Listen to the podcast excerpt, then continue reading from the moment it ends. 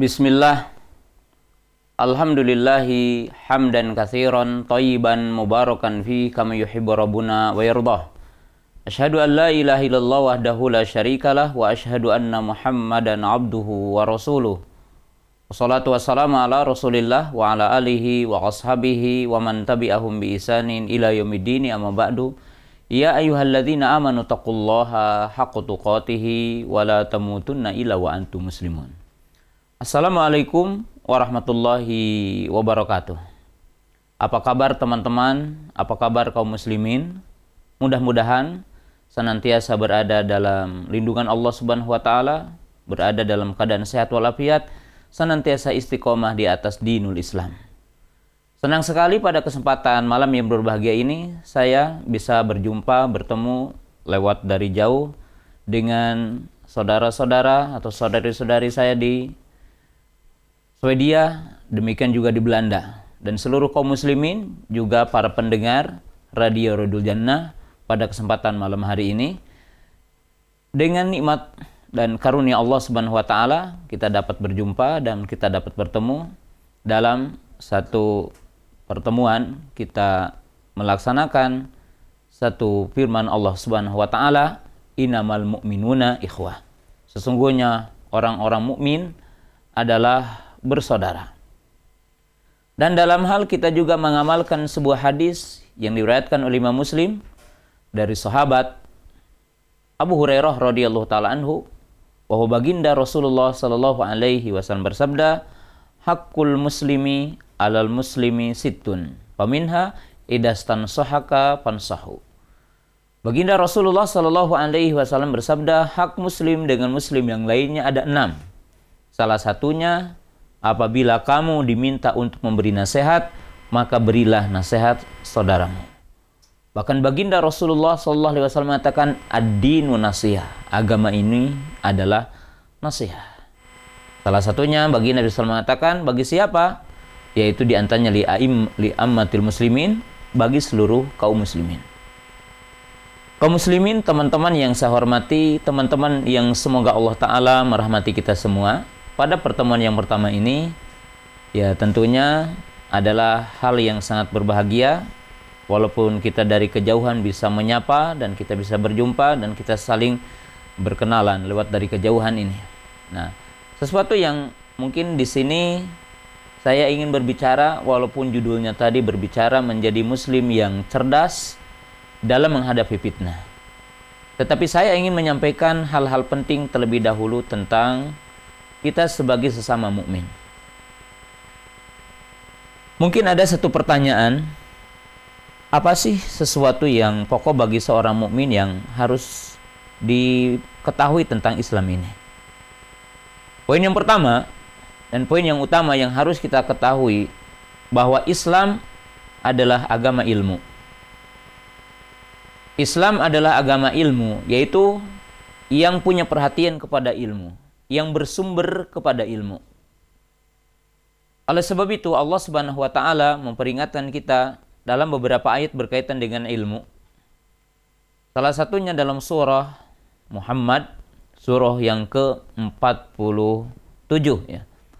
Pada ayat ke-19 Allah berfirman fa'lam annahu la ilaha illallah wastaghfir lidzanbik Waqala Imamul Bukhari rahimahullahu taala babul ilmi qabla al-qawli wal amali. Allah berfirman fa'lam annahu la ilaha illallah wastaghfir lidanbik. Ketahuilah bahwasanya tidak ada yang berhak disembah kecuali Allah. Dan memintalah pengampunan kepada Robmu, kepada Tuhanmu dari dosamu. Imam Bukhari menyebutkan dalam sahihnya babul ilmi qoblal qawli wal amali. Bab ilmu sebelum kita berbicara, sebelum kita beramal. Maka orang yang memeluk agama Islam dan orang yang meng akan mengamalkan dinul Islam, mengamalkan syariat Islam, maka diwajibkan baginya memahami tentang ilmu. Dan dia memahami tentang din ini, tahu tentang ilmu ini memahami, mempelajari tentang kalimat la ilaha illallah, memahami maknanya, apa syaratnya, apa rukunnya, apa konsekuensinya, apa pembatal-pembatalnya. Itu adalah satu kemestian. Allah berfirman dalam ayat yang lain wala taqfu ma laisa bihi ilmun. Dan janganlah engkau berbicara agama, berbicara beramal tentang agama kecuali bagi kamu ada ilmu. Dan Allah Subhanahu wa taala mengangkat derajat manusia, derajat orang mukmin dengan ilmu. Kita lihat dalam surah Al-Mujadilah, yarfa'illahu alladhina amanu minkum walladhina utul ilma darajat. Allah mengangkat derajat orang-orang yang berilmu, beriman di antara kamu dan orang-orang yang berilmu dengan beberapa derajat. Iqra bismi rabbika ladzi Maka teman-teman yang dirahmati Allah Subhanahu wa taala, kaum muslimin, pemirsa yang dirahmati Allah Subhanahu wa taala, dalam sejumlah ayat yang tadi menunjukkan agama Islam, agama ilmu agama yang menyuruh setiap mukmin itu agar beragama mengacu kepada sumber ilmu. Apa ilmu itu? Kitabullah wa sunnah. Yaitu dalil Quran dan sunnah. Dan baginda Rasulullah Shallallahu Alaihi Wasallam telah menjadikan ilmu sesuatu yang wajib kita cari. Tolabul ilmi faridatun ala kulli muslimin. Fi riwayatin wa kulli muslimah. Mencari ilmu adalah wajib bagi setiap mukmin, yaitu mukmin laki-laki dan mukmin perempuan. Baginda Rasulullah Shallallahu Alaihi Wasallam menjadikan ilmu adalah jalan ke surga. Kalau Nabi Shallallahu Alaihi Wasallam man salaka tariqan yaltamisu fihi ilman sahhalallahu lahu bihi tariqan ilal jannah. Barang siapa yang berjalan mencari ilmu, maka dia akan dimudahkan oleh Allah Ta'ala jalan ke surga teman-teman yang dirahmati Allah Ta'ala dalam hadis ini sederhana sekali. Siapa di antara kita yang ingin mendapatkan surganya Allah, mendapatkan kenikmatan surga, mendapatkan kebahagiaan surga, dan kita ingin selamat dari neraka, maka ditempuhnya hanya dengan ilmu. Karena masuk surga dengan sebab kita melakukan amal kebaikan perintah-perintah Allah, dengan sebab kita menjauhi larangan-larangan Allah. Apa mungkin orang yang tidak belajar agama ini dia bisa melaksanakan perintah Allah dan menjauhi larangan Allah? Tidak mungkin. Bahkan dijelaskan dalam hadis orang yang akan berada dalam hidayah dan dalam kebaikan itu yang diberikan kefakihan dalam agama. Baginda Nabi SAW mengatakan, Man yuridillahu bihi khairan yufakihu fiddin. Siapa yang Allah menghendaki orang itu menjadikan baik, berada dalam petunjuk, berada dalam hidayah, berada di jalan yang lurus, maka Allah akan menjadikan orang itu fakih dalam agama. Satu pertanyaan mungkin ketika kita berbicara tentang Islam, apa kita mempelajari Islam dengan benar? Kita belajar tentang di Islam itu apa rukun iman yang enam, bagaimana rukun Islam yang lima. Contoh kecil, apakah kita melaksanakan wudhu pernah belajar dulu bagaimana sifat wudhu? Lalu bagaimana sifat wudhu itu kita belajar hadis-hadis Nabi Sallam seputar wudhu? Bagaimana fatwa ulama tentang sifat-sifat wudhu? Ataukah kita ini belajar Islam ini ya mungkin kita juga tidak sengaja belajar agama ini. Mungkin kaum muslimin yang berada di seluruh penjuru dunia yang punya kesibukan maaf tentang dunia. Kita dari sejak kecil belajar ilmu matematika, belajar ilmu fisika, belajar ilmu biologi, belajar sekian keilmuan dan kita mencari ahlinya. Kita cari ahli matematika, kita cari ahli biologi, kita cari ahli fisika. Kita mencari siapa ahlinya gitu. Bahkan kita mencari sekolah perguruan tinggi yang cocok bagi kita, mana yang akan menghasilkan ini. Kalau kita mungkin di Indonesia akan mencari kalau kita ingin ahli dalam pertanian, maaf, kalau kita saya sebutkan, kita datang ke IPB karena itu memang pilihan.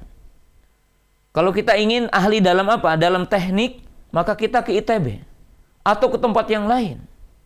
Yang terkenal umpamanya Unpad, yang terkenal umpamanya lain lainnya. Tapi kita tanya, adakah kaum muslimin berapa jumlah kaum muslimin yang punya perhatian belajar agama kepada ahlinya? Kita memilih mana orang yang ahli dalam hadis, mana orang ahli dalam tafsir, mana orang ahli dalam setiap sendi-sendi agama ini. Maka sangat sedikit sekali. Ya. Maka dengan itu nasihat yang pertama bagi setiap mukmin maka hendaklah kita menganggap ilmu itu lebih mulia dan lebih dibutuhkan ketimbang makan dan minum. Karena itu adalah merupakan bagian agama yang sangat mulia dari agama kita ini. Ini adalah nasihat pertama adalah tentang ilmu. Nasihat yang kedua tentang Islam. Islam itu sebenarnya sederhana. Kalau digambarkan tentang hakikatnya. Sebab Islam itu tidak akan lebih dari empat tingkatan. Berkaitan dengan din syariat Islam ini. Tahu, diyakini, diamalkan, didakwahkan. Islam itu bukan sesuatu yang diperdebatkan sekedar hukumnya, bukan sesuatu yang disempun-siumkan, bukan ya Islam itu. Tapi Islam itu adalah agama amal. Agama yang memang praktek pada kehidupan, konsekuensi dalam kehidupan kita Islam ini. Islam itu bukan sesuatu yang kita itu transfer ilmu bukan ya. Sekedar contoh kita umpamanya menghafal hadis yang bunyinya Hadis Ummu Habibah radhiyallahu taala anha, "Man hafidha isnai asyara rakaatan fi kulli yawmin wa lailah banallahu baitan fil jannah." Siapa yang menjaga 12 rakaat dalam sehari semalam, maka Allah akan membangunkan baginya rumah di surga. Itu sholat rawatib ya. Dua rakaat sebelum subuh, empat rakaat sebelum duhur, dua rakaat setelah duhur, dua rakaat setelah maghrib, dua rakaat setelah isya. Nah, agama Islam adalah bukan sekedar kita tahu hadis tadi. Maka setelah tahu kita meyakini akan perintah dan sunnahnya sholat dua berasaan sehari semalam. Kita meyakini ini adalah sunnah Nabi SAW. Kita meyakini juga akan pahala yang dijanjikan Allah Ta'ala. Setelah kita meyakini apa? Berarti kita mendawamkannya, mengkontinyukannya, menjaga dalam sehari semalam. Kemudian setelah itu apa? Mendakwahkan kepada saudara kita, ini agama ini. Islam itu sederhana. Kita tahu sholat lima waktu, tahu keutamaannya. Kita tahu tentang keutamaan sholat berjamaah. Sholatul jamaati tabdulu min sholatil faddi bisabi ashrina darajah. Bukan sekedar berbicara apa hukumnya sholat berjamaah, apakah dia wajib, apakah dia itu adalah umpamanya sunnah mu'akadah atau apa. Tetapi Islam adalah agama amal. Ketika kita tahu keutamaan sholat berjamaah, kita meyakini itu adalah sunnah. Itu adalah syariat Islam. Keutamaannya besar. Dilipat gandakan 27 derajat. Apa perlunya bagi kita? Ya menjaga sholat berjamaah. Bukan sekedar kita bikin masjid di seluruh penjuru dunia tapi isinya kosong. Maka menunjukkan kita tidak mengamalkan Islam ini. Maka sederhana sekali Islam itu tahu, meyakini, mengamalkan, kemudian mendakwahkan. Dan itu adalah hakikat syariat Islam. Nah, jadi teman-teman yang saya hormati, ya, bahwa seorang mukmin ketika kita tahu agama, tahu perintah Allah, tahu larangan Allah, maka dalam kehidupan kita harus nyata. Ketika kita tahu sholat itu wajib, ya kita laksanakan. Ketika kita homer itu tahu haram, kita tinggalkan. Ketika kita tahu zakat itu wajib, kita lakukan. Ketika kita tahu berzina itu haram, kita tinggalkan. Dan itu adalah din, agama. Sehingga agama itu ada dalam kehidupan kita. Sehingga kita itu hadir dalam agama ini. Sehingga Allah Ta'ala berfirman dalam surah Al-Baqarah ayat 208. Ya ayuhalladzina amanu udkhulu fis silmi Wahai orang-orang yang beriman, masuklah kamu kepada agama, kepada dinul Islam, kepada syariat Islam secara total, secara menyeluruh. Dan ini adalah din. Dan dengan ini akan nampak, akan dohir din ini. Ya. Jadi tahu, meyakini, mengamalkan, mendakwahkan. Dan itu adalah salah satu poin yang sangat penting dalam kehidupan kita. Nah, tentang judul yang kita bawakan malam hari ini, menjadi mukmin yang cerdas di masa munculnya fitnah. Apa sih yang dimaksud dengan fitnah yang akan muncul di akhir zaman? Fitnah itu bimana ibtila wal ikhtibar. Artinya ujian yang Allah Ta'ala berikan kepada manusia. Ujian yang Allah Ta'ala timbakan kepada manusia. Dan fitnah yang akan menimpa kepada manusia secara umum apa yang diisyaratkan dalam Quran dan dalam sunnah baginda Nabi ada dua. Ya.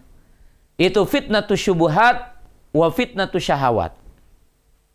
Fitnah yang akan menimpa kepada manusia, ujian yang akan menimpa kepada manusia.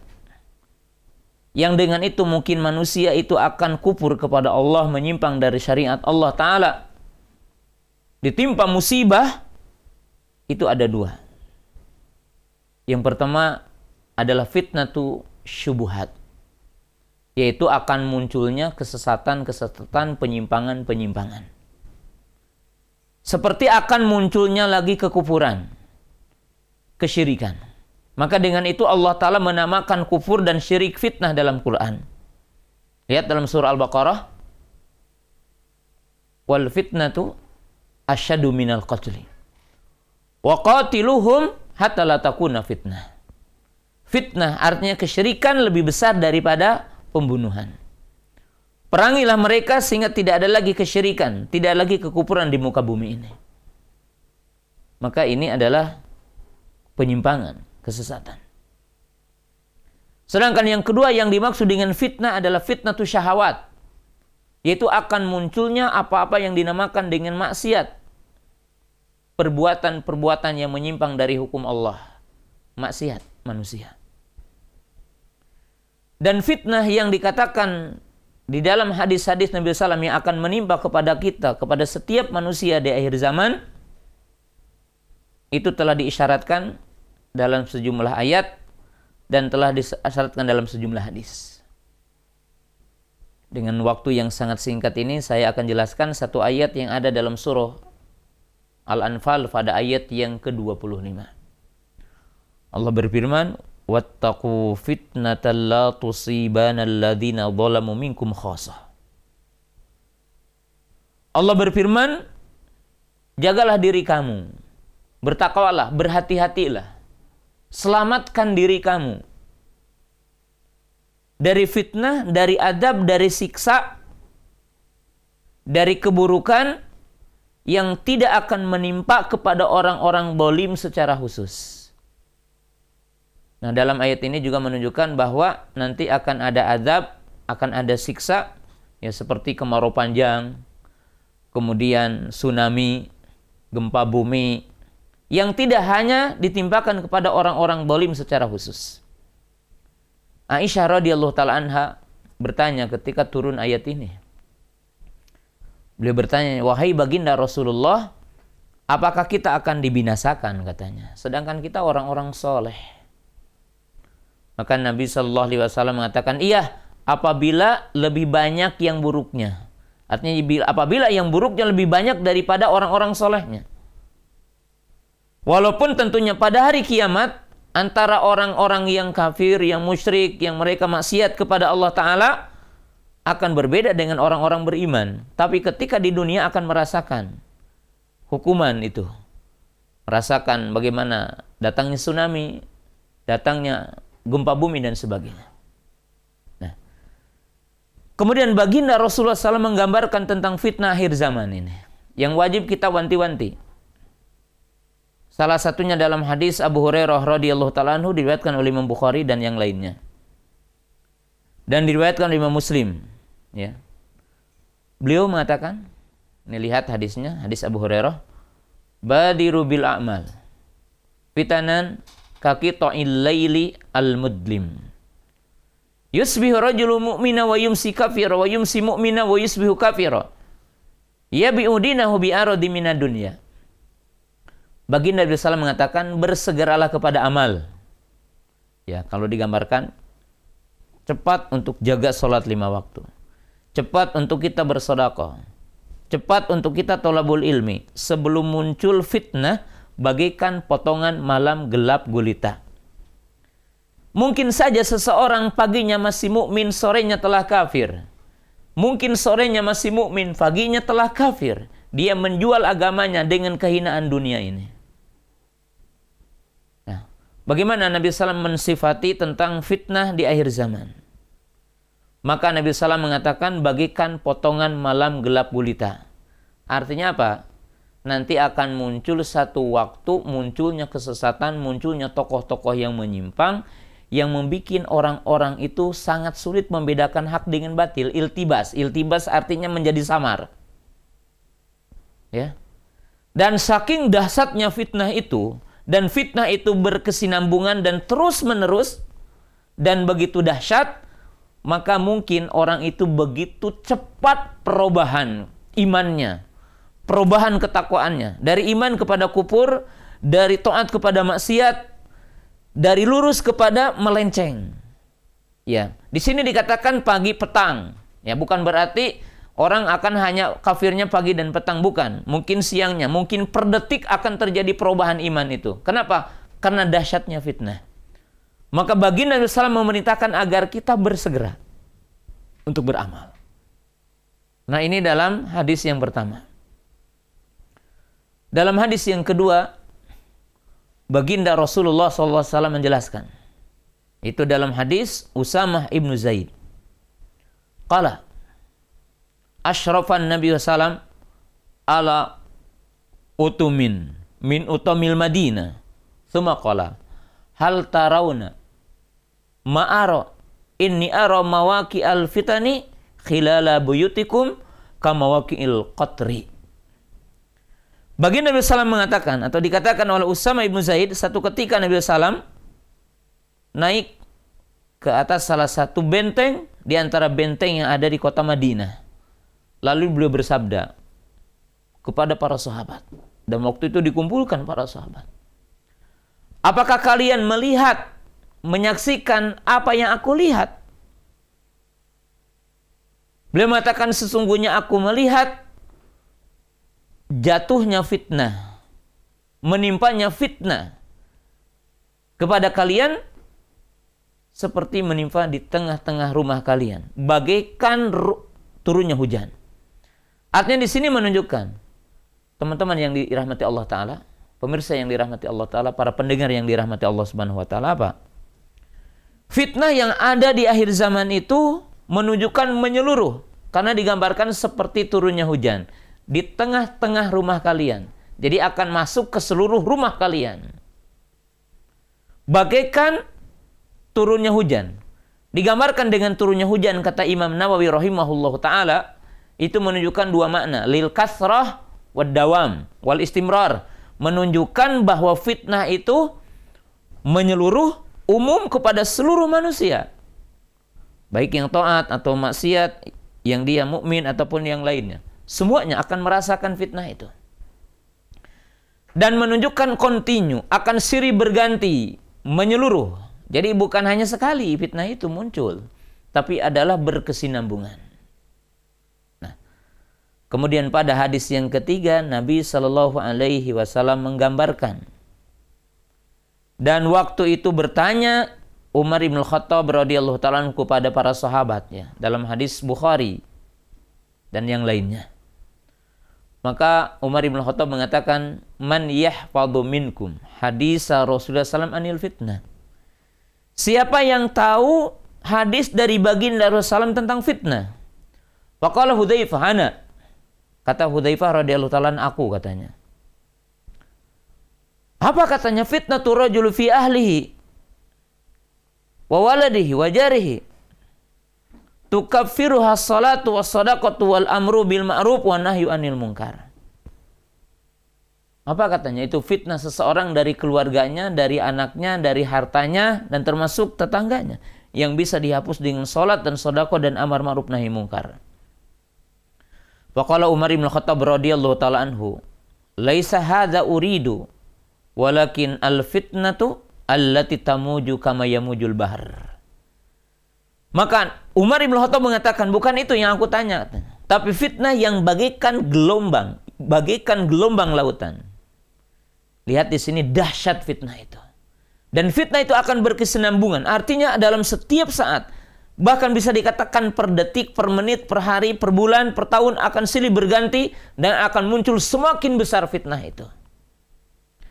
Yang fitnah itu digambarkan begitu dahsyatnya akan muncul orang-orang yang mungkin meninggalkan agamanya. Dia menjual agamanya dengan kehinaan dunia.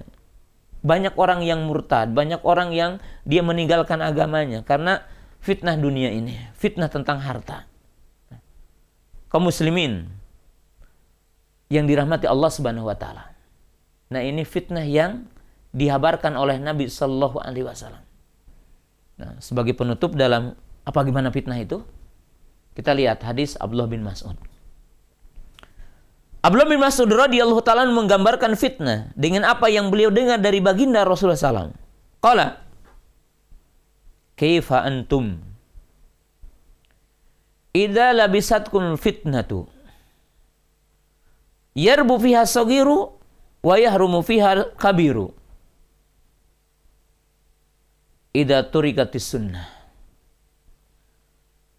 Qala qail mata takunu dzalika ya Aba Abdurrahman Qala idza dhahaba ulama'ukum wa kasurat juhalukum. Wa idza kasurat qurra'ukum wa qallat fuqaha'ukum. Wa idza kasurat umara'ukum wa qallat ulama'ukum. Wal tumitasid dunya bi amalil akhirah. Wa tufu fikha dinillah. Perhatikan ini hadis terakhir yang saya bacakan di kesempatan malam ini. Bagaimana sikap kalian? Apa yang kalian akan lakukan? Bagaimana antipasi kalian? Jika datang kepada kalian fitnah yang anak kecil akan menjadi dewasa dan orang dewasa menjadi tua, menunjukkan banyak dahsyat dan berkepanjangan. Jadi fitnah ini bukan sehari, bukan dua hari, tapi berkepanjangan sampai datangnya Dajjal, datangnya hari kiamat nanti, kiamatul kubro. Dan Dajjal adalah bagian dari fitnah itu. Lalu, sampai orang itu ketika melakukan kebaikan, maka disindir, maka diusir, maka mungkin digunjing. Si pulan begini-begini, padahal dia komitmen kepada agama. Lalu, sejumlah orang bertanya kepada Abdullah bin Masud, dan dipanggil dengan kunyahnya. Kapan itu wahai Abu Abdurrahman? Maka beliau menyebutkan sebagai berikut. Apabila telah wafat para ulamanya dan semakin banyak orang yang jahil kepada agama ini. Jadi kalau datang nanti satu ketika orang-orang yang berbicara di mimbar-mimbar orang yang tidak tahu agama. Mungkin bisa dikatakan sekedar dia penceramah saja. Apabila semakin banyak orang-orang kori. Artinya kori yang hafal kepada Quran, khorijul hurufnya Masya Allah. Tapi tidak fakih kepada maknanya katanya. Apabila semakin banyak pemimpin kalian tetapi semakin sedikit yang amanahnya. Telah hilang amanah di tengah-tengah umat ini. Lalu apa kata beliau? Perhatikan di sini. Apabila muncul generasi orang yang beramal soleh tapi tujuannya dunia mencari dunia dengan amal soleh. Bukan tujuan untuk mendapatkan karunia dari Allah Ta'ala. Mendapatkan akhirat nanti. Terus apa? Apabila muncul dalam generasi ini orang-orang yang konsentrasi, yang dia berfokus kepada ilmu dunia. Tapi dia tidak tahu ilmu akhirat. Mereka tidak kenal sholat itu wajib, mungkin satu ketika tidak kenal zakat itu wajib. Mereka tidak tahu khamar itu haram, mereka tidak tahu apa zina itu haram. Mereka tidak tahu. Kenapa? Karena yang dipelajari ilmu dunia. Maka ini adalah fitnah di akhir zaman yang akan menimpa kepada umat ini. Yang akan menimpa kepada umat ini. Dan fitnah itu dahsyat. Bagaimana tidak dikatakan dahsyat? Paginya masih mukmin, sorenya telah kafir. Sorenya mukmin, paginya telah kafir. Kenapa? Karena fitnah ini. Nah ini apa yang dihabarkan oleh Nabi SAW tentang fitnah ini. Ya. Lalu apa sikap kita agar kita terjaga dari fitnah ini dan selamat dari fitnah ini? Apa sih pintu-pintunya itu? Ya. Apa jalan keluarnya? Agar kita selamat dari fitnah ini, maka kita punya prinsip, punya solusi yang bisa menyelamatkan kita. Apa sih solusinya? Solusi yang pertama adalah at-tafakuh fi dinillah. Setiap di antara kita wajib mempelajari agama ini. Ya. Jadi dengan nasihat yang tadi. Tidaklah kita mengetahui kenapa kita konsentrasi belajar dunia, kita ingin dapat dunia, kita belajar kan. Kita ingin sukses jadi petani, belajar ilmu pertanian. Kita ingin sukses jadi peternak, belajar ilmu peternakan. Kita ingin sukses umpamanya jadi pemborong bangunan-bangunan ya, kita di properti umpamanya maka kita menjadi ahli bangunan. Tanya, bagaimana Anda, bagaimana teman-teman ingin ke surga tapi tidak belajar? Apa mungkin kita bisa ke surga tanpa belajar? Apa mungkin kita bisa melaksanakan agama Allah tanpa mengetahui perintah Allah dan mempelajari agama Allah? Maka itu sangat tidak mungkin untuk kita bisa ke sana. Ya. Seperti ketika kita ingin ke Jakarta, maka kita harus tahu jalan ke Jakarta. Ketika kita ingin ke Surabaya, harus tahu jalan ke Surabaya. Setelah kita tahu jalannya, kita juga bertanya pakai apa? Pakai pesawat, pakai mobil, pakai kereta. Adakah sesuatu yang bisa mengantarkan kita ke sana? Demikian juga ketika kita ingin ke surga adalah dengan ilmu. Maka dengan dalil yang tadi sangat jelas sekali man yuridillahu bihi khairan yufaqihu fid Siapa yang ingin ataupun siapa yang Allah ingin menjadikan orang itu baik, maka dia dijadikan dia fakih dalam agama, ilmu ya. Bahkan di dalam hadis dikatakan inna min asrati sa'ah rafal ilmi wanti syarul jahli. Di antara ciri-ciri hari kiamat adalah wafatnya para ulama, diangkatnya ilmu dan tersebarnya kejahilan. Dalam hadis Abdullah bin Amr bin As radhiyallahu taala Nabi sallallahu mengatakan, "Innallaha la yanzi'u ilma intiza'an yantazi'u minal abdi, walakin yaqbidul ilma biqabdil ulama." Hatta lam yabqa aliman itakhadana asan juhala. Fasuilu fa'abtu bigori ilmin fadallu wa adallu. Sesungguhnya Allah Ta'ala tidak mengangkat ilmu dari seseorang yang pintar jadi jahil. Tetapi diangkatnya ilmu dengan wafatnya para ulama. Apabila telah pergi para ulama, maka yang ada di sekitar kita adalah orang-orang jahil. Maka dia ditanya, dia memberikan fatwa dengan tanpa ilmu, maka dia sesat dan menyesatkan. Jadi tafakuh fiddin. Ya, belajar agama ini. Yang kedua apa? satu ulama kalau kita ingin selamat dari fitnah ini maka kita mesti duduk dengan orang alim. Duduk dengan ahlul ilmi. Duduk dengan orang-orang yang alim yang bisa mereka membimbing kita, yang mereka lebih cinta kepada kita ketimbang orang tua kita kepada kita. Karena umumnya orang tua berbicara tentang kecintaan adalah tentang dunia, bukan tentang akhirat. Sebab kalau kita betul-betul cinta kepada kita, kita berikan contoh dengan ilmu. Maaf ya. Kalau teman-teman mungkin anak-anak kita lesnya apa? Ya, pagi sampai petang itu belajar dunia. Lesnya apa? Les matematika, les biologi, les fisika bukan tidak boleh maksudnya. Ya sah-sah saja, boleh-boleh saja. Tapi pernahkah kita meleskan anak kita tentang makna la ilaha illallah? Anak kita les tentang ilmu tentang sifat wudhu, anak kita les tentang sifat salat, sehingga anak kita tahu tentang agama, agar anak kita kalau jadi pemimpin tidak korupsi diajarkan apa itu definisi korupsi, apa itu definisi riswah umpamanya. Pernah nggak? Nah kita pertanyakan itu. Bagaimana kita selamat dari fitnah tanpa ilmu? Maka ilmu dengan ulama adalah sesuatu yang wajib ada di tengah-tengah kita. Dan kita mesti berada di tengah-tengah ilmu dan di tengah-tengah orang-orang yang alim. Ya. Yang ketiga apa? Yang ketiga duduk dengan orang yang baik ya. Berteman dengan orang-orang soleh di sekitar kita. Nah, saya akan bacakan hadis ataupun di sini terjemahkan saja hadisnya. Hadis Abu Sa'id Al-Hudri, ya. Hadis ini berada dalam kitab Taubah dalam Riyadus Solihin. Lihat ya, hadis Riyadus Solihin tentang bab taubat. Ada hadis ini. Dikisahkan ada orang yang membunuh 99 orang lalu dia ingin bertaubat. Ketika pertama kali ingin bertaubat ditunjukkan kepada seorang rohib yang rajin ibadah tapi sempit ilmu. Ya. Maka dia bertanya, apakah bagiku ada taubat dari Allah? Apakah Allah akan mengampuniku? Aku telah membunuh 99. Maka dengan emosionalnya dia mengatakan, mana mungkin katanya, engkau telah membunuh 99 orang, Allah akan mengampunimu. Enggak katanya. Akhirnya dia putus asa. Karena dia berfatwa dengan tanpa ilmu, maka dibunuhlah orang tersebut dan sempurna 100 orang. Ketika telah membunuh 100 orang itu, dia ingin bertobat lagi. Lalu ditunjukkan kepada orang yang paling alim dari penduduk bumi. Maka lihatlah orang alim ketika ditanya, apakah Allah akan mengampuniku? Aku telah membunuh seratus orang. Maka orang alim itu dengan bijak mengatakan dan dengan dalil mahala baina kau baina taubah. Apa yang menghalangi engkau dengan taubat katanya. Allah mengampuni taubat seseorang mumin selama belum syakratul maut, selama belum terbitnya matahari dari barat. Allah Maha Pengampun, Allah Maha Penyayang. Tapi kata orang alim itu kalau engkau akan bertaubat, jangan pulang ke negerimu, jangan pulang ke daerahmu, pul apa pergi ke sana di sana ada orang-orang soleh, beribadahlah dengan mereka, lalu orang itu berjalan, lalu meninggal dunia di tengah perjalanan dan mati husnul khotimah.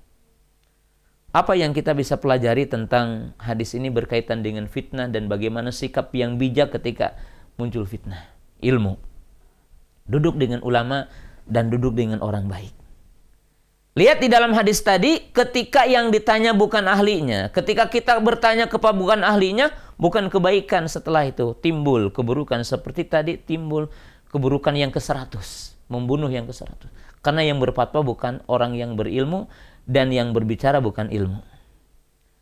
Ketika bertanya kepada ahlinya dan ini keutamaan ilmu dan keutamaan ulama, maka dia berhenti dari keburukannya. Kemudian apa? Orang alim memberikan solusi. Kamu berteman tuh dengan orang baik, beribadah di sana. Di sana ada orang-orang soleh, beribadah dengan mereka. Maka pergi, selamat ya. Jadi ini sangat jelas sekali.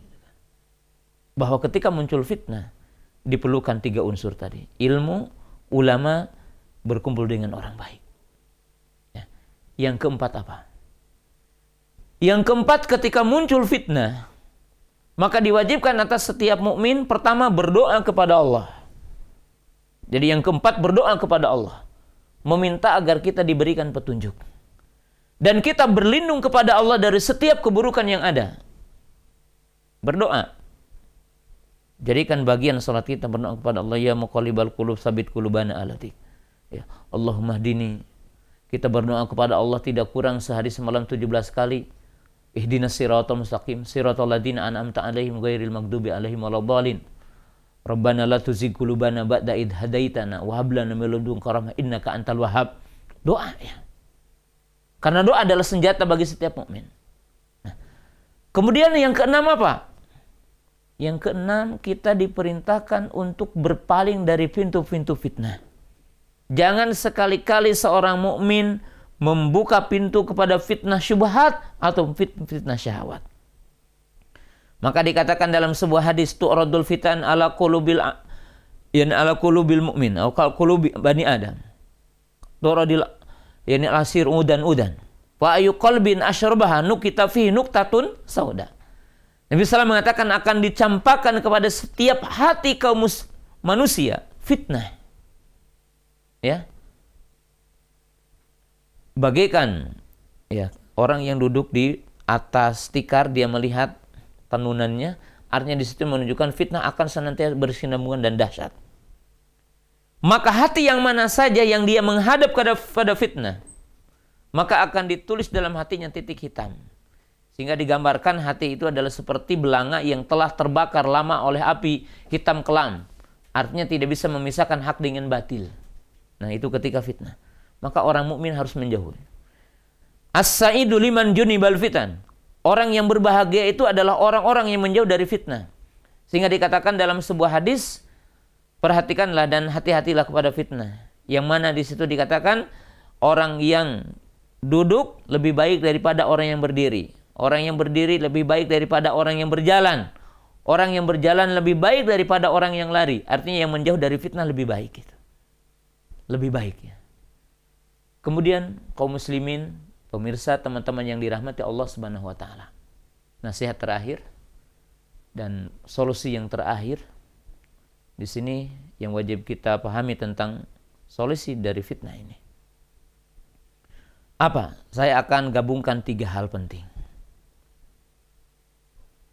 Yang pertama, komitmen kepada Al-Quran dan Sunnah. Di mana kita menjadikan Quran menjadikan sunnah Nabi SAW sebagai sumber kehidupan kita. Karena ini adalah pijakan kita. Baginda Nabi Sallam telah mengatakan taraktu fikum amroini lan tabilu abada man intamasaktum bihima kitabullah wa sunnati. Aku tinggalkan dua perkara yang kalian tidak akan sel apa sesat selamanya selama kalian berpegang teguh kepada keduanya. Sunnah Quran, kitabullah dan sunnahku. Kemudian kaum muslimin teman-teman yang dirahmati Allah Subhanahu wa taala. Ketika muncul fitnah yang sangat dahsyat, maka kita diwajibkan kita untuk memiliki kesabaran yang sangat lebih.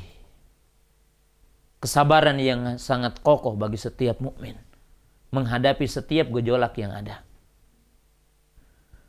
Kemudian yang sangat penting di sana yaitu at-tathabut wa ta'anni warib. Kita mesti punya sifat kehati-hatian, kelemah lembutan, senantiasa kita tidak tergesa-gesa dalam melihat setiap perkara yang kita lihat hari ini. Kita diperintahkan untuk ta'ani, untuk senantiasa hati-hati, memprediksi keadaan-keadaan itu dengan cermat, tidak gegabah dalam berbicara, tidak gegabah dalam bertindak. Jangan sampai kita menyesal ketika kita mengucapkan satu perkara, ketika kita bertindak dalam satu perkara, ketika munculnya fitnah ini. Sehingga Nabi Shallallahu Alaihi Wasallam menggambarkan yang sangat berat sekali. Bagi dan bisa mengatakan akan muncul di tengah kalian pemimpin-pemimpin yang akan mendolimi kalian.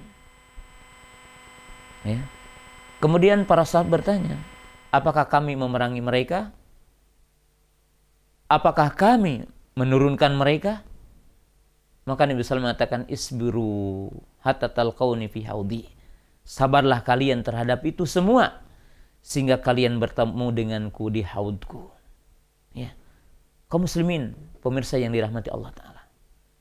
Dan yang sangat penting ya, yang saya ingin sampaikan bahwa fitnah akhir zaman yang sangat dahsyat adalah fitnah. Apa yang kita gunakan ini kebaikan. Saya bisa berjumpa dari kejauhan dengan apa yang kita dapatkan dari kemajuan kemajuan tentang teknologi.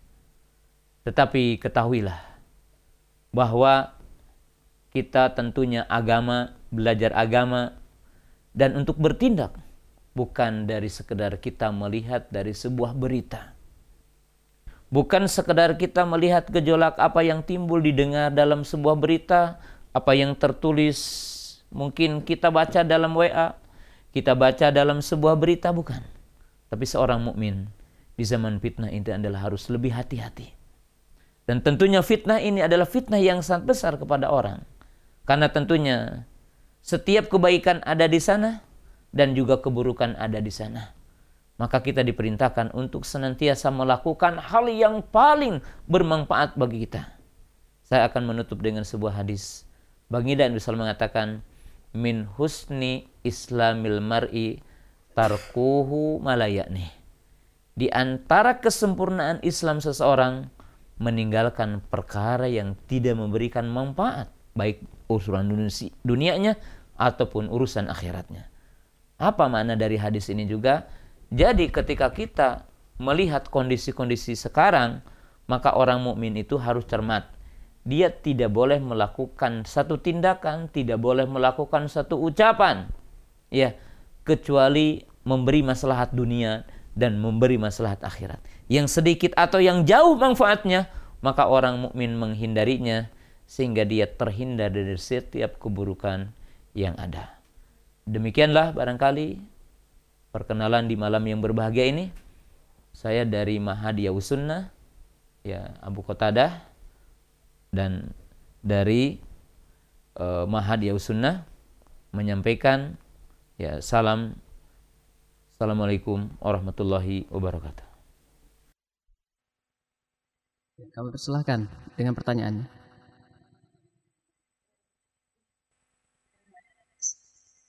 Eh, saya cuma mau bertanya Ustaz bahwa kami di sini ibu-ibu eh, di di Malmo ini ada suka arisan setiap bulan. Saya dengar bahwa kalau arisan nggak tahu yang model apa ada yang bilang nggak boleh tapi hanya arisannya yang ya, setiap bulan gitu nggak ada yang harus kasih uang lebih atau apa untuk ya. Eh, mengisi ya pertemuan gitu.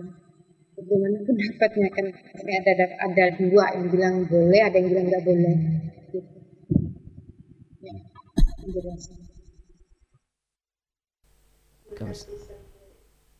ya uh, terima kasih kepada ibu yang telah bertanya dan kepada seluruh kaum muslimin teman-teman di sana. Uh, pertanyaan tentang hukum arisan ya ya hukum arisan tentunya tidak selamanya boleh dan tidak selamanya tidak boleh ya arisan dibolehkan dengan pertama syaratnya tidak mengandung riba ya di dalamnya. Ya kalau arisan itu dengan kita tabaru artinya kita bersama-sama pokoknya orang e, per bulannya satu juta atau 5 juta ada 10 orang kemudian kita diundi ya satu dengan yang lainnya siapa yang lebih dulu tidak mengapa dan itu tidak termasuk yang dilarang Nah, kemudian sesuatu yang perlu kita juga perhatikan yaitu kegiatan dalam arisan itu. Kegiatan dalam arisan itu juga perlu diperhatikan sesuatu yang tentunya di sana tidak boleh ada sesuatu yang sifatnya maksiat. Tetapi apabila acara-acara di sananya merupakan acara-acara yang berkaitan dengan kebaikan, ya seperti mungkin di dalamnya juga ada taklim, ya. Kemudian mungkin ada hal-hal yang sifatnya dari kebaikan ya. Maka itu tidak mengapa. Menjadi ajang kita silaturahmi ajang kita untuk saling menasehati ajang kita adalah untuk berbicara agama ya untuk saling menasehati maka insya Allah tidak ada apa-apa dan tidak mengapa ya. Tidak mengapa insya Allah. Wallahu taala alam Nah Ustaz, Barakallahu fiqh wa jazakumullahu khairan kathira khairul jaza. Kembali kami ucapkan untuk satu pertanyaan yang telah dijawab Dan semoga menjadi kejelasan untuk penanya dan bagi para pemirsa, pendengar sekalian. Pertanyaan selanjutnya kita akan bacakan dari pesan singkat melalui WhatsApp. Ustadz sebagai penuntut ilmu pemula Ustadz Bagaimana kita harus menuntut Atau bagaimana kita bisa menuntut ilmu agama dengan benar Ustadz? Nah ya kaum muslimin dan akh yang bertanya secara khusus ya. Jadi ada beberapa koidah ya dalam kita mempelajari agama ini dan dalam hal kita itu mencari mengetahui agama. Yang pertama, Allah mengisyaratkan fasalu ahla dzikri in kuntum la ta'lamun. Bertanyalah kamu ke ahlu dzikri. Ahlu dzikri adalah orang yang kompeten dalam bidang ilmu agama itu. Itu kalimat yang sederhananya. Maka ketika kita akan belajar, pastikan kepada orang ahlinya. Dan baginda Rasulullah SAW telah mengisyaratkan dalam sebuah hadis, ya, yaitu kisah ketika ada seorang sahabat ya, itu berbicara tentang masalah tayamum waktu itu. Jadi berbicara tentang masalah tayamum.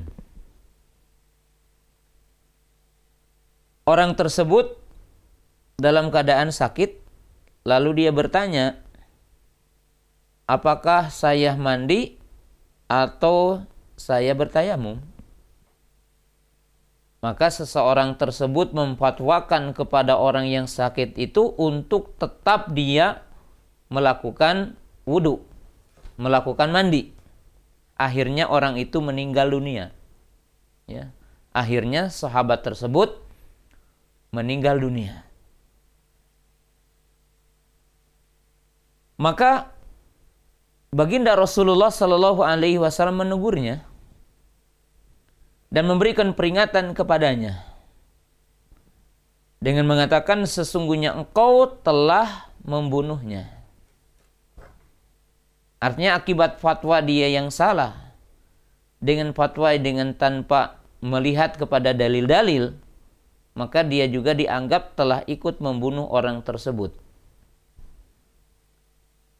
Karena dia tidak paham dan tidak ingat kepada firman Allah Ta'ala itu yang ada dalam surah An-Nisa ayat 43 dan surah ya Al-Maidah ayat 6. Yaitu bunyinya wa in kuntum marda aw ala safarin aw jaa ahadukum minal ghaiti aw lamas nisa falam tajidu ma'an fatayamamu sa'idan thayyibah. Maka dia dipersalahkan. Kenapa? Karena dia berfatwa sesuatu yang dia tidak tahu. Jadi di sini menunjukkan kita pastikan dulu bahwa seseorang itu ahli dalam agama ini. Kemudian para ulama mengatakan al isnadu minadin. Laulal isnadu laqala masya masya katanya. Agama ini ada sanadnya. Apa artinya? Sederhananya bahwa orang yang kita akan mencari ilmu, dia juga harus punya silsilah dia dari mana mencari agamanya. Gurunya siapa, dari mana gurunya, gitu kan? Kalau sekarang mungkin ya ada kualifikasinya enggak, kualifikasi tentang akademisnya enggak gitu kan. Mesti ya. Kalau orang yang tidak punya maka dipastikan bahwa ini tidak boleh kita mengambil ilmu darinya. Sebagaimana para jamaah, teman-teman tidak akan belajar ya ilmu sesuatu yang bukan ahlinya. Kita akan bertanya dari mana lulusannya, apa ijazahnya namanya. Kalau ijazahnya pertanian, ya kita akan bertanya tentang ilmu pertanian. Kalau ijazahnya teknik, kita akan bertanya tentang teknik. Nama demikian juga agama. Cuma mungkin kita hari ini menjadi seorang yang keliru hari ini kita. Kalau ilmu dunia sampai kita mencari dari mana orang itu cari ilmunya, tapi dalam ilmu agama kita tidak tidak seperti itu. Ya. Kemudian yang saya ingin sampaikan juga di sini, maaf ya, penceramah beda dengan ulama. Ya. Bukan berarti ulama bukan penceramah dan penceramah bukan berarti ulama, tetapi yang saya maksudkan di sini maaf. Orang yang sekedar dia suka memberi nasihat, tapi dia tidak tahu ilmu hadis, dia tidak tahu ilmu nahu, dia tidak tahu ilmu tafsir, dia tidak belajar usul fikih, ya.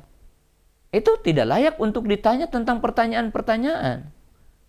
Dia hanya berhak untuk memberi nasihat, itu pun ya harus apa yang dia dengar dan udah tahu gitu ya. Nah, ini adalah agar kita selamat dalam agama ini ya.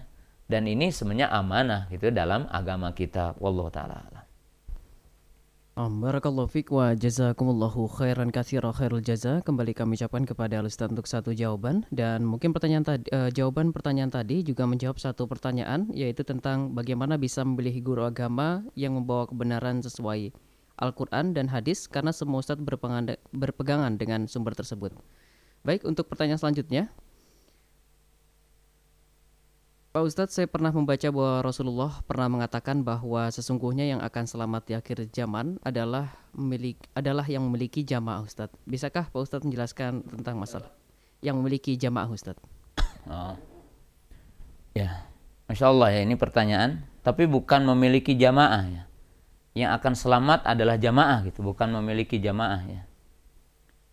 Ya hadisnya adalah hadis ibtirokul ummah. Hadis dari sejumlah para sahabat dengan riwayat yang berbeda. Hadis ini dari sahabat Abu Hurairah, ya Amr bin As, Abu Musa al-As'ari, Abu Umamah al-Bahili, Anas bin Malik, radhiyallahu taala anhum. Ya, dengan redaksi yang berbeda-beda ya. Hadisnya sebagai berikut dan inilah riwayat-riwayatnya. Baginda Nabi SAW mengatakan ibtaraqatil yahudu ala sintaini wasabina firqatan wa firwayatin ala ihda wasabina firqatan wa tafaraqatin nasara ala sintaini wasabina firqatan wa tariku ummati ala thalasin wasabina firqatan kulluha finnari illa wahidah ya. Nabi SAW mengatakan telah berpecah belah orang-orang Yahudi menjadi 71 firqah dan orang-orang Nasoro menjadi 72 firqah. Dan umatku akan berpecah belah menjadi 73 sekte, pemikiran, pemahaman. Semuanya terancam dengan api neraka kecuali satu. Nah ketika Nabi SAW ditanya siapa yang satu itu, maka Nabi SAW menjawab dengan tiga jawaban. Jawaban yang pertama dengan mengatakan maka na alaihi aliyauma wa ashabi. Barang siapa yang dia beragama seperti aku hari ini dan para sahabatku. Jadi siapa yang mengikuti Nabi Sallam dan mengikuti para sahabat. Redaksi yang kedua, hiyal jamaah. Siapa yang akan selamat itu? Dialah al jamaah. Jamaah katanya akan selamat itu. Dalam riwayat yang lain adalah sawadul a'bam. Sawadul a'bam itu kelompok yang banyak. Jawaban-jawaban bagi Nabi SAW tidak bertentangan satu dengan yang lainnya. Tetapi memberikan makna yang satu dengan yang lainnya saling menjelaskan. Dan Nabi SAW menjelaskan dalam hadis Hudzaifah tentang jamaah tadi. Ketika Nabi SAW ditanya oleh Hudzaifah, apakah setelah zaman kebaikan yang ada kabutnya akan datang masa kejelekan? Lihat dalam Sahih Bukhari dan yang lainnya dalam kitab fitnah ya tentang dialog uh, Hudzaifah radhiyallahu taala dengan baginda Nabi. Maka Nabi SAW mengatakan iya. Yaitu apa? Du'atun ala abu abi jahannam. Akan muncul juru-juru dakwah yang menyuruh ke jurang api neraka. Sifhum lana. Sebutkan sifatnya, wahai baginda Rasulullah bagi kami. Hum min jillatina wa yatakalamu bi alsinatina. Mereka berbicara dengan bahasa kita dan berkulit dengan kulit kita. Artinya mengaku muslim. Kemudian Hudzaifah berkata, "Pamada ta'muruni dzalik? Pamada ta'muruni in adraktu dzalik?" Qala talzam jama'atal muslimina wa imamahum. Nabi Sallam ditanya oleh Hudzaifah, apa yang kau perintahkan jika aku mendapatkan masa fitnah ini? Maka beliau mengatakan, tapakilah komitmen kepada jamaah kaum muslimin dan imam mereka. Nah, lalu mungkin teman-teman bertanya, apa sih jamaah? Ya. Apa yang dimaksud dengan jamaah di dalam hadis-hadis yang banyak? Maka Imam Al-Qurtubi dan Imam Ash-Shatibi rahimahullahu taala Al Imam Asyatibi rahimahullah dalam dalam kitabnya ya menjelaskan yaitu dalam kitab yang ma'ruf ya beliau menjelaskan ya dan Imam Al-Qurtubi menjelaskan tentang definisi jamaah. Definisi jamaah yang disebutkan oleh Imam Asyatibi dalam kitab Al-Ittisam dan oleh para ulama yang lainnya seperti Imam Mubarak Puri dalam kitabnya Tufatul Ahwadi dan yang lainnya definisi jamaah tidak lepas dari lima. Apa sih jamaah? Yang pertama, kata para ulama yang dimaksud dengan jamaah hum as-sahabah, al-khulafa rasyidin. Yang dimaksud dengan jamaah adalah para sahabat. Maka apabila kita mendapatkan hadis tentang perintah komitmen kepada jamaah, yang dimaksud komitmen kepada manhaj jalan yang telah ditempuh oleh para sahabat. Artinya kita mencontoh meniru para sahabat, komitmen kepada jalan mereka, akidah mereka, cara ibadah mereka.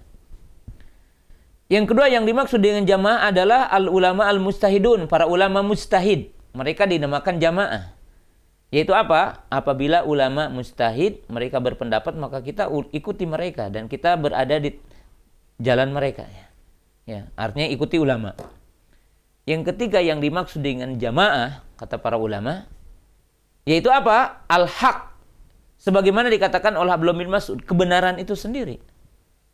Ya. Maka yang dimaksud komitmen kepada jamaah adalah komitmen kepada kebenaran walau kita sendiri. Kita berada di satu daerah, di satu negara muslim sendiri, maka dia dinamakan jamaah walaupun dia sendiri. Ya. Kemudian apa definisi jamaah? Salah satunya juga dikatakan oleh para ulama definisi jamaah adalah apa?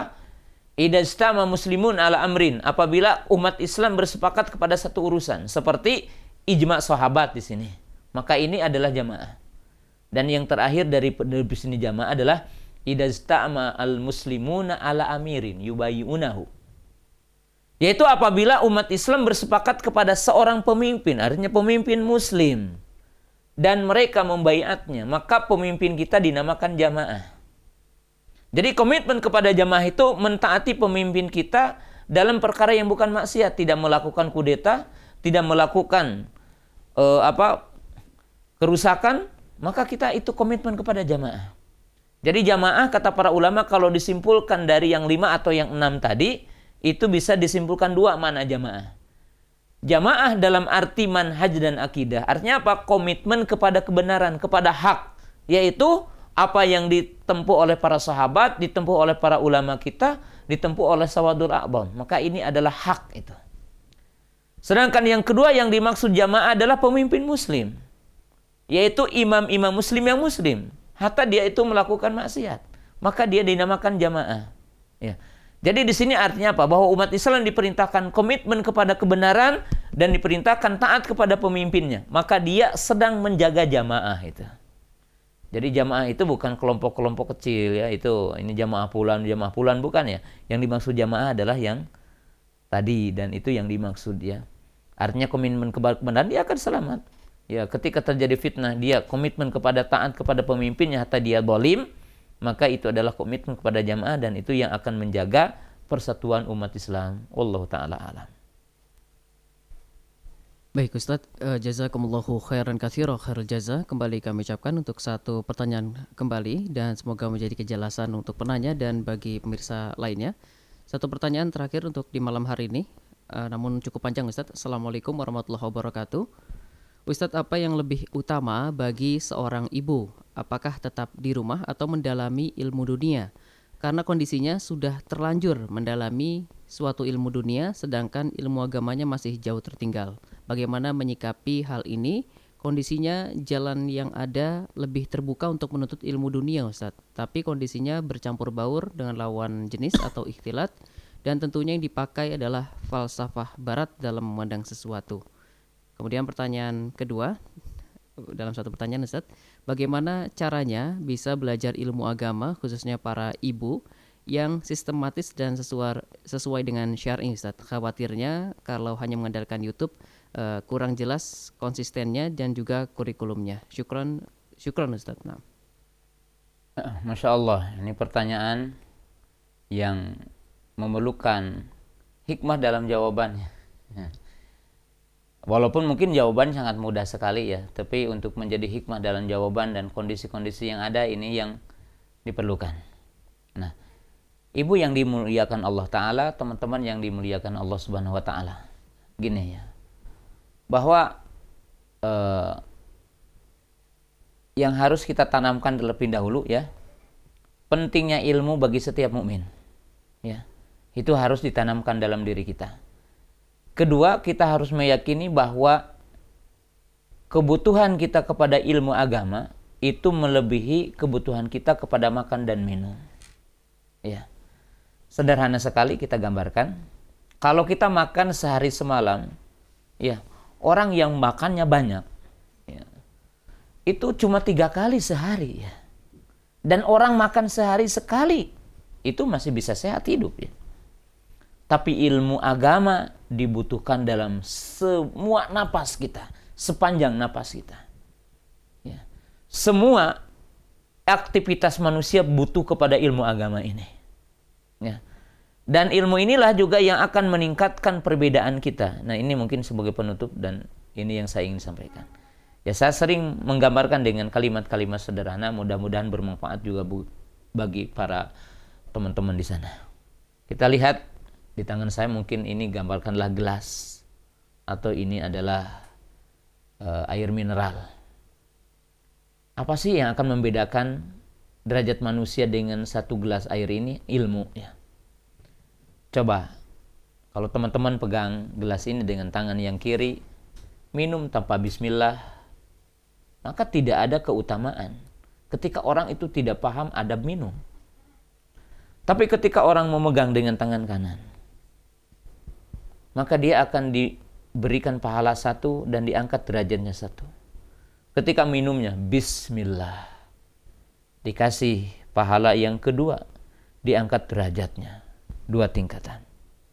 Ketika airnya panas, dia tidak meniupnya. Karena Nabi SAW mengatakan, Walayatana faspil ina, janganlah engkau bernapas pada bezana. Ditulis pahalanya tiga. Diangkat derajatnya. Ketika dia mengatakan setelah minum, Alhamdulillah, maka dia mendapatkan empat pahala dengan satu gelas air ini. Kenapa? Ilmu.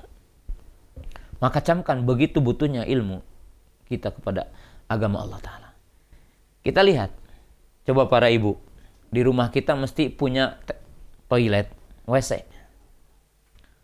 Apa sih keutamaan seorang mukmin dan apa yang akan didapat pahala dari toilet?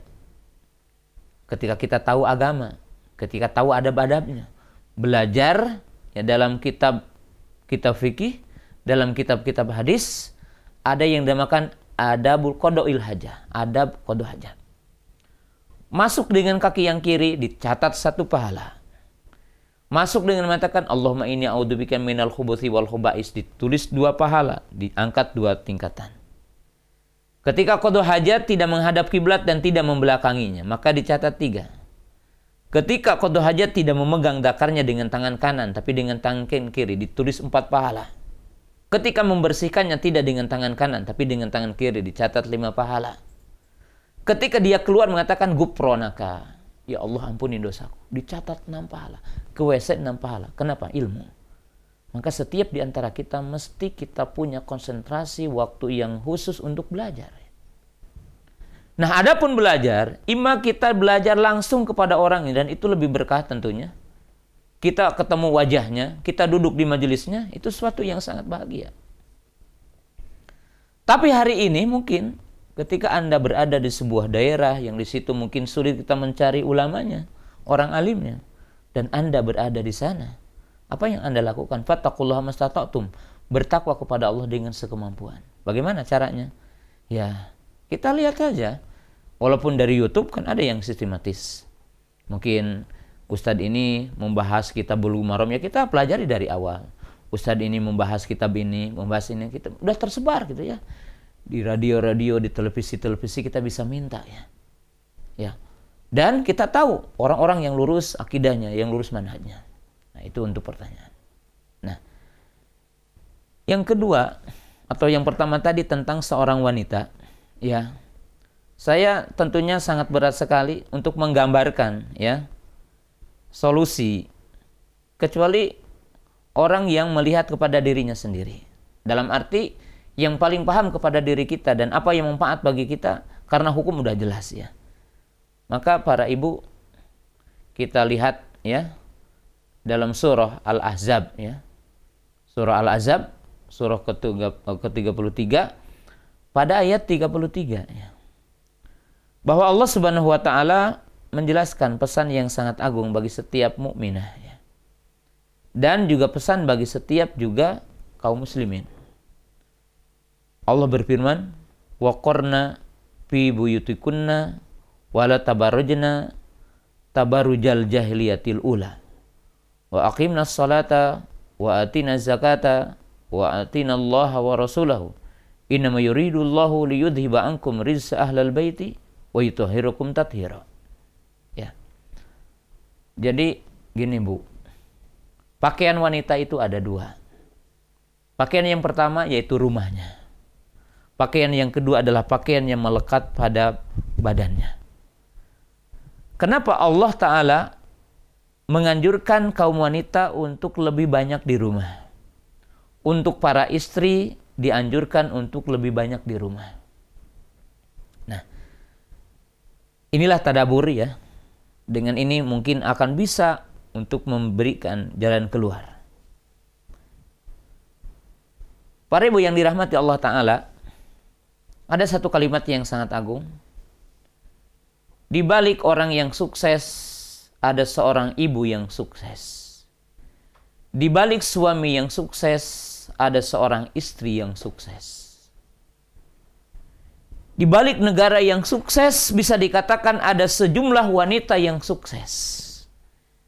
Apa yang dimaksud yang sukses itu? Mereka berperan dalam proposinya. Perhatikan satu perkara yang seperti ini. Para ibu yang dirahmati Allah Ta'ala. Kalau kita menginginkan generasi yang baik setelah kita, maka tumpuan utamanya adalah kaum ibu. Karena tentunya para bapak punya kewajiban mencari nafkah, kewajiban mereka keluar. Dan mereka akan sedikit sekali ketemu dengan anaknya. Kalau saya gambarkan di sekitar Jabodetabek, orang yang kerja gitu ya. Dengan adanya kemacetan dan semisalnya, maka percis ya ketemu dengan anak itu hanya ketika hari libur. Bapaknya pergi, anaknya masih tidur. Bapaknya datang, anaknya telah tidur.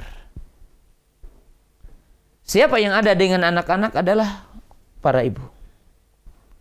Kemudian para ibu yang dimuliakan Allah Ta'ala. Kalau kita bertanya dengan sederhana, siapakah manusia yang paling dekat kepada anak? Ibunya. Yang mengandungnya. Yang melahirkannya. Yang menyusuinya.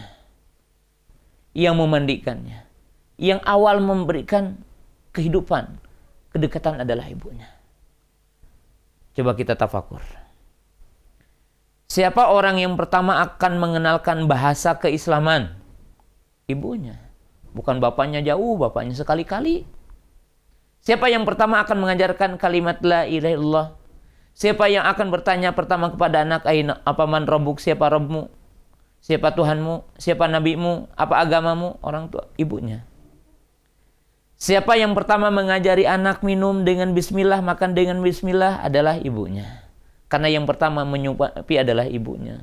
Ketika akan menyusui, maka ibu mengatakan bismillah ketika akan meneguhkan air, meminumkan air, dia mengatakan bismillah. Maka anak terbiasa dari kecil karena kelapa-kelapa ibunya mengatakan bismillah. Siapa yang mengajarkan bismillah ketika anak itu akan memakaikan celananya, memakaikan bajunya ibunya. Bayangkan jika seandainya yang mengajari dan hidup dengan anak itu adalah pembantu kita. Dan ibu-ibu ada di sekitar keramaian, di sekitar kesibukan tentang dunia. Ya ibu yang dirahmati Allah Subhanahu wa taala. Ini sesuatu yang mungkin yang perlu kita sama-sama renungkan itu. Kemudian nasihat terakhir. Allah berfirman dalam surah At-Tur dan mengingatkan dengan peringatan yang sangat agung di dalam surah tersebut. Karena Allah Subhanahu wa taala menjelaskan dalam ayat tersebut satu peringatan yang sangat agung, Bu. Para bapak yang saya hormati, kaum muslimin yang saya hormati. Apa ayatnya? Coba lihat nanti. Ayat ke-21. Walladzina amanu wa taba'atuhum dzurriyyatuhum biimanin alhaqna bihim dzurriyyatahum Wa ma'alatnahum min amalihi min syai' kulum ri'im bima kasabarohin. Orang-orang yang beriman dan diikuti keimanannya oleh anak cucu mereka. Jadi anak cucunya mengikuti keimanannya karena bapaknya dan ibunya mengajarinya. Maka Allah Ta'ala akan mengikut sertakan dan menyertakan dengan keturunannya nanti yaumal kiamah yang digambarkan oleh para ulama kalau bapaknya ada di derajat yang tinggi dari derajat-derajat surga maka akan memanggil anaknya. Dan jika anaknya berada dalam derajat yang tinggi sedangkan ibu dan bapaknya berada di bawahnya maka sang anak akan memanggil bapaknya kenapa karena punya komitmen iman punya komitmen tentang dakwah punya komitmen tentang pendidikan Kemudian izinkan untuk mengakhiri pertemuan di malam hari ini dengan sebuah hadis yaitu hadis Abu Hurairah radhiyallahu taala anhu. Beliau berkata, "Innallaha la yarfa'u darajatal 'abdi." Faqala ana hadza qala bistighfari waladika lak. Sesungguhnya Allah benar-benar akan mengangkat derajat seorang hamba nanti yaumal kiamah. Sampai seorang itu berkata, dari mana katanya? Amal-amalku. Sesungguhnya kalau aku ingat kepada amal-amalku itu tidak pantas aku mendapatkan derajat ini.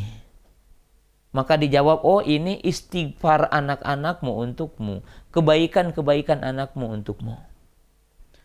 Maka para ibu yang dirahmati Allah Subhanahu wa taala, seandainya kita sibuk dengan gemerlapan dunia, mencari dunia ini, lalu kita melalikan anak kita maka apa yang nanti akan menjadikan kita berada di derajat yang tinggi? Kalau kita tidak punya anak yang soleh, yang soleh, maka itu adalah hasil keringat kita. Mudah-mudahan tausiah ini menjadi satu jawaban dan pertimbangan setiap orang ketika dia akan melakukan aktivitas tentang dunia ini. Ya, mudah-mudahan itu adalah satu jawaban yang bisa memberikan pencerahan dan menjadi satu pertimbangan bagi setiap mukmin. Kenapa sih kaum wanita, kaum ibu itu mesti lebih banyak di rumahnya?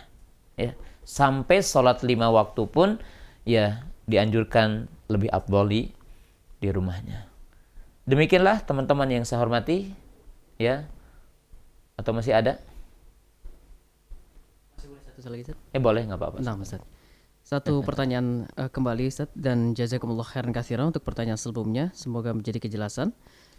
Baik, uh, Ustadz, bagaimana kami yang hidup di negeri non-Muslim yang uh, dapat menyampaikan kebenaran kepada teman-teman non-Muslim, Ustadz, khususnya orang Eropa, seputar fitnah agama Islam? Karena teman-teman non-Muslim atau orang-orang Eropa ini biasanya mengandalkan logika, Ustadz. Nah. Ya, masya Allah, ini adalah merupakan satu kebaikan dan pintu kebaikan. Ya, setiap di antara kita menjadi pembuka pintu kebaikan. Ya, berdialog tentang agama ya itu dengan berbagai pintu-pintu kebaikan ini ya dan baginda Nabi Sallam mengatakan inna minan nasi mafatihal khair maghaliqal syarr wa inna minan nasi mafatihal syarri maghaliqal syarr maghaliqal khairi fatuba liman ja'alallahu mafatihal khairi ala yadayhi wa wailun liman ja'alallahu mafatihal syarri ala yadayhi di antara manusia ada yang menjadi pembuka pintu-pintu kebaikan, penutup pintu-pintu kejelekan. Dan di antara manusia ada yang menjadi pembuka pintu-pintu kejelekan, penutup pintu-pintu kebaikan. Maka berbahagialah bagi setiap di antara kita yang dijadikan oleh Allah Ta'ala sebagai pembuka pintu kebaikan. Dan celaka bagi orang-orang yang dijadikan oleh Allah Ta'ala sebagai pembuka pintu kejelekan. Nah, bagaimana kita membuka pintu kebaikan? Dan apakah kita dari pintu yang mana? Ya, tentunya pintu yang pertama adalah kenabian. Orang yang dijadikan nabi dan Nabi SAW adalah sebagai pembuka pintu kebaikannya. Setelah mereka siapa? Ulama ya. Al ulama warasatul anbiya, orang-orang alim. Yang ketiga siapa? Para penguasa, orang yang punya kekuasaan dengan kekuasaannya ini membuka pintu kebaikan, ya. Menegakkan hukum Allah, menegakkan syariat Allah taala, ya. Kemudian apa? Membuka pintu-pintu kebaikan pendidikan ya. Kemudian dakwah kemudian ceramah-ceramah tentang keislaman kemudian menutup pintu-pintu keburukan dengan kekuasaannya. Kemudian setelah itu siapa? Orang yang punya harta. Orang yang punya harta.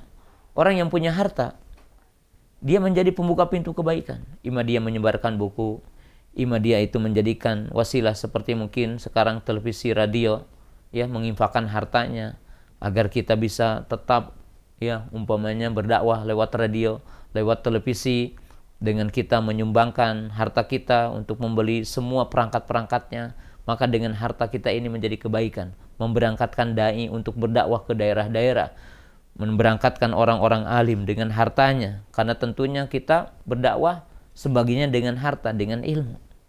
Kemudian apa? Orang yang punya keahlian. Ya, orang-orang yang punya keahlian teknik, ya Pokoknya sekarang berkaitan dengan bagaimana IT ini menjadi bagian dari dakwah ini. Ya dengan seperti sekarang menggunakan Skype seperti ini. Maka ini adalah bagian dari pintu kebaikan. Ya, pintu kebaikan. Anda sekarang berdialog, menjelaskan bahwa Islam itu indah, Islam itu adalah toleran. Ya, toleran dalam arti bukan berarti membenarkan setiap apa yang berbeda dengan Islam. Tentunya tidak.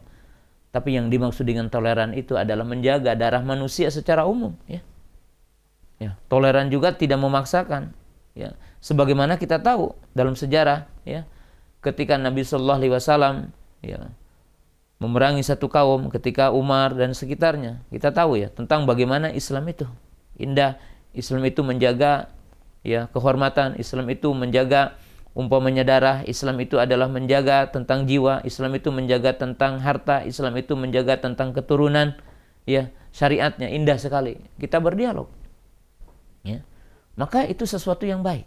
Ya. Kalau kita bukan ulama, kalau kita bukan orang ahli, kalau kita bukan orang berharta, kita juga tidak punya teknik apa-apa. Mungkin saya cuma orang miskin, lalu apa peran saya untuk agama ini? Dan bagaimana saya berjuang untuk agama ini? Dan bagaimana saya bertakorub untuk berjihad di jalan Allah Ta'ala? Maka jangan sedih ya bagi orang-orang yang tidak punya kemampuan apa? Ad-doa, berdoa kepada Allah. Tidaklah kita mengetahui bahwa ketika Nabi SAW dikisahkan dalam dua kisah yang sangat agung. Kisah yang pertama adalah ketika Nabi SAW pergi ke Taif. lalu dilempari oleh orang-orang Taif. Ya. Kemudian dua malaikat penjaga artinya malaikat penjaga dua gunung itu menawarkan jika engkau berkendak aku akan melemparkan menenggelamkan mereka dengan gunung ini maka Nabi SAW mengatakan doa ya Allah semoga muncul dari sulbi-sulbi artinya dari keturunan mereka orang yang beriman kepada Allah maka orang-orang Taif menjadi penolong Islam setelah itu berdoa Ketika Nabi SAW mengutus seorang sahabat ke Bani Daus, yaitu Amr ibnu Tufail ad-Dausi, Amr ibnu Tufail ad-Dausi, beliau berdakwah bertahun-tahun, tidak seorang pun yang dapat diajak ya. Bahkan beliau dihinakan. Datang beliau kepada Nabi SAW. Ya Rasulullah, tolong katanya, doa agar mereka binasa saja katanya. Sebab aku telah berdakwah dan mendakwahi mereka, tidak seorang pun yang masuk Islam.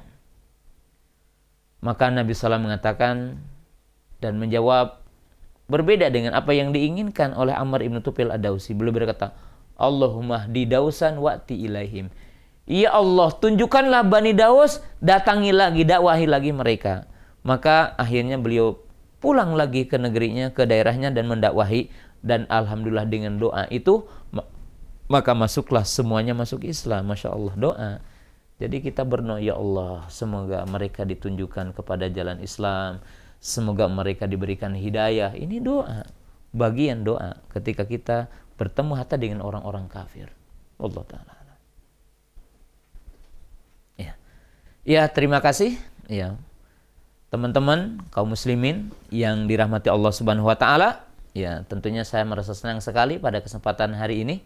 Dan saya mohon maaf jika mungkin dalam pembahasan ini ada kata-kata yang tidak pas, ada ada kata-kata yang tidak cocok, ya apa yang haknya datang dari Allah Subhanahu wa taala, apa yang kelirunya datang dari pribadi saya, ya ucapkan assalamualaikum warahmatullahi wabarakatuh. Semoga selalu istiqomah dalam Islam, istiqomah dalam taat kepada Allah Subhanahu wa taala. Wa akhiru da'wana anil alamin.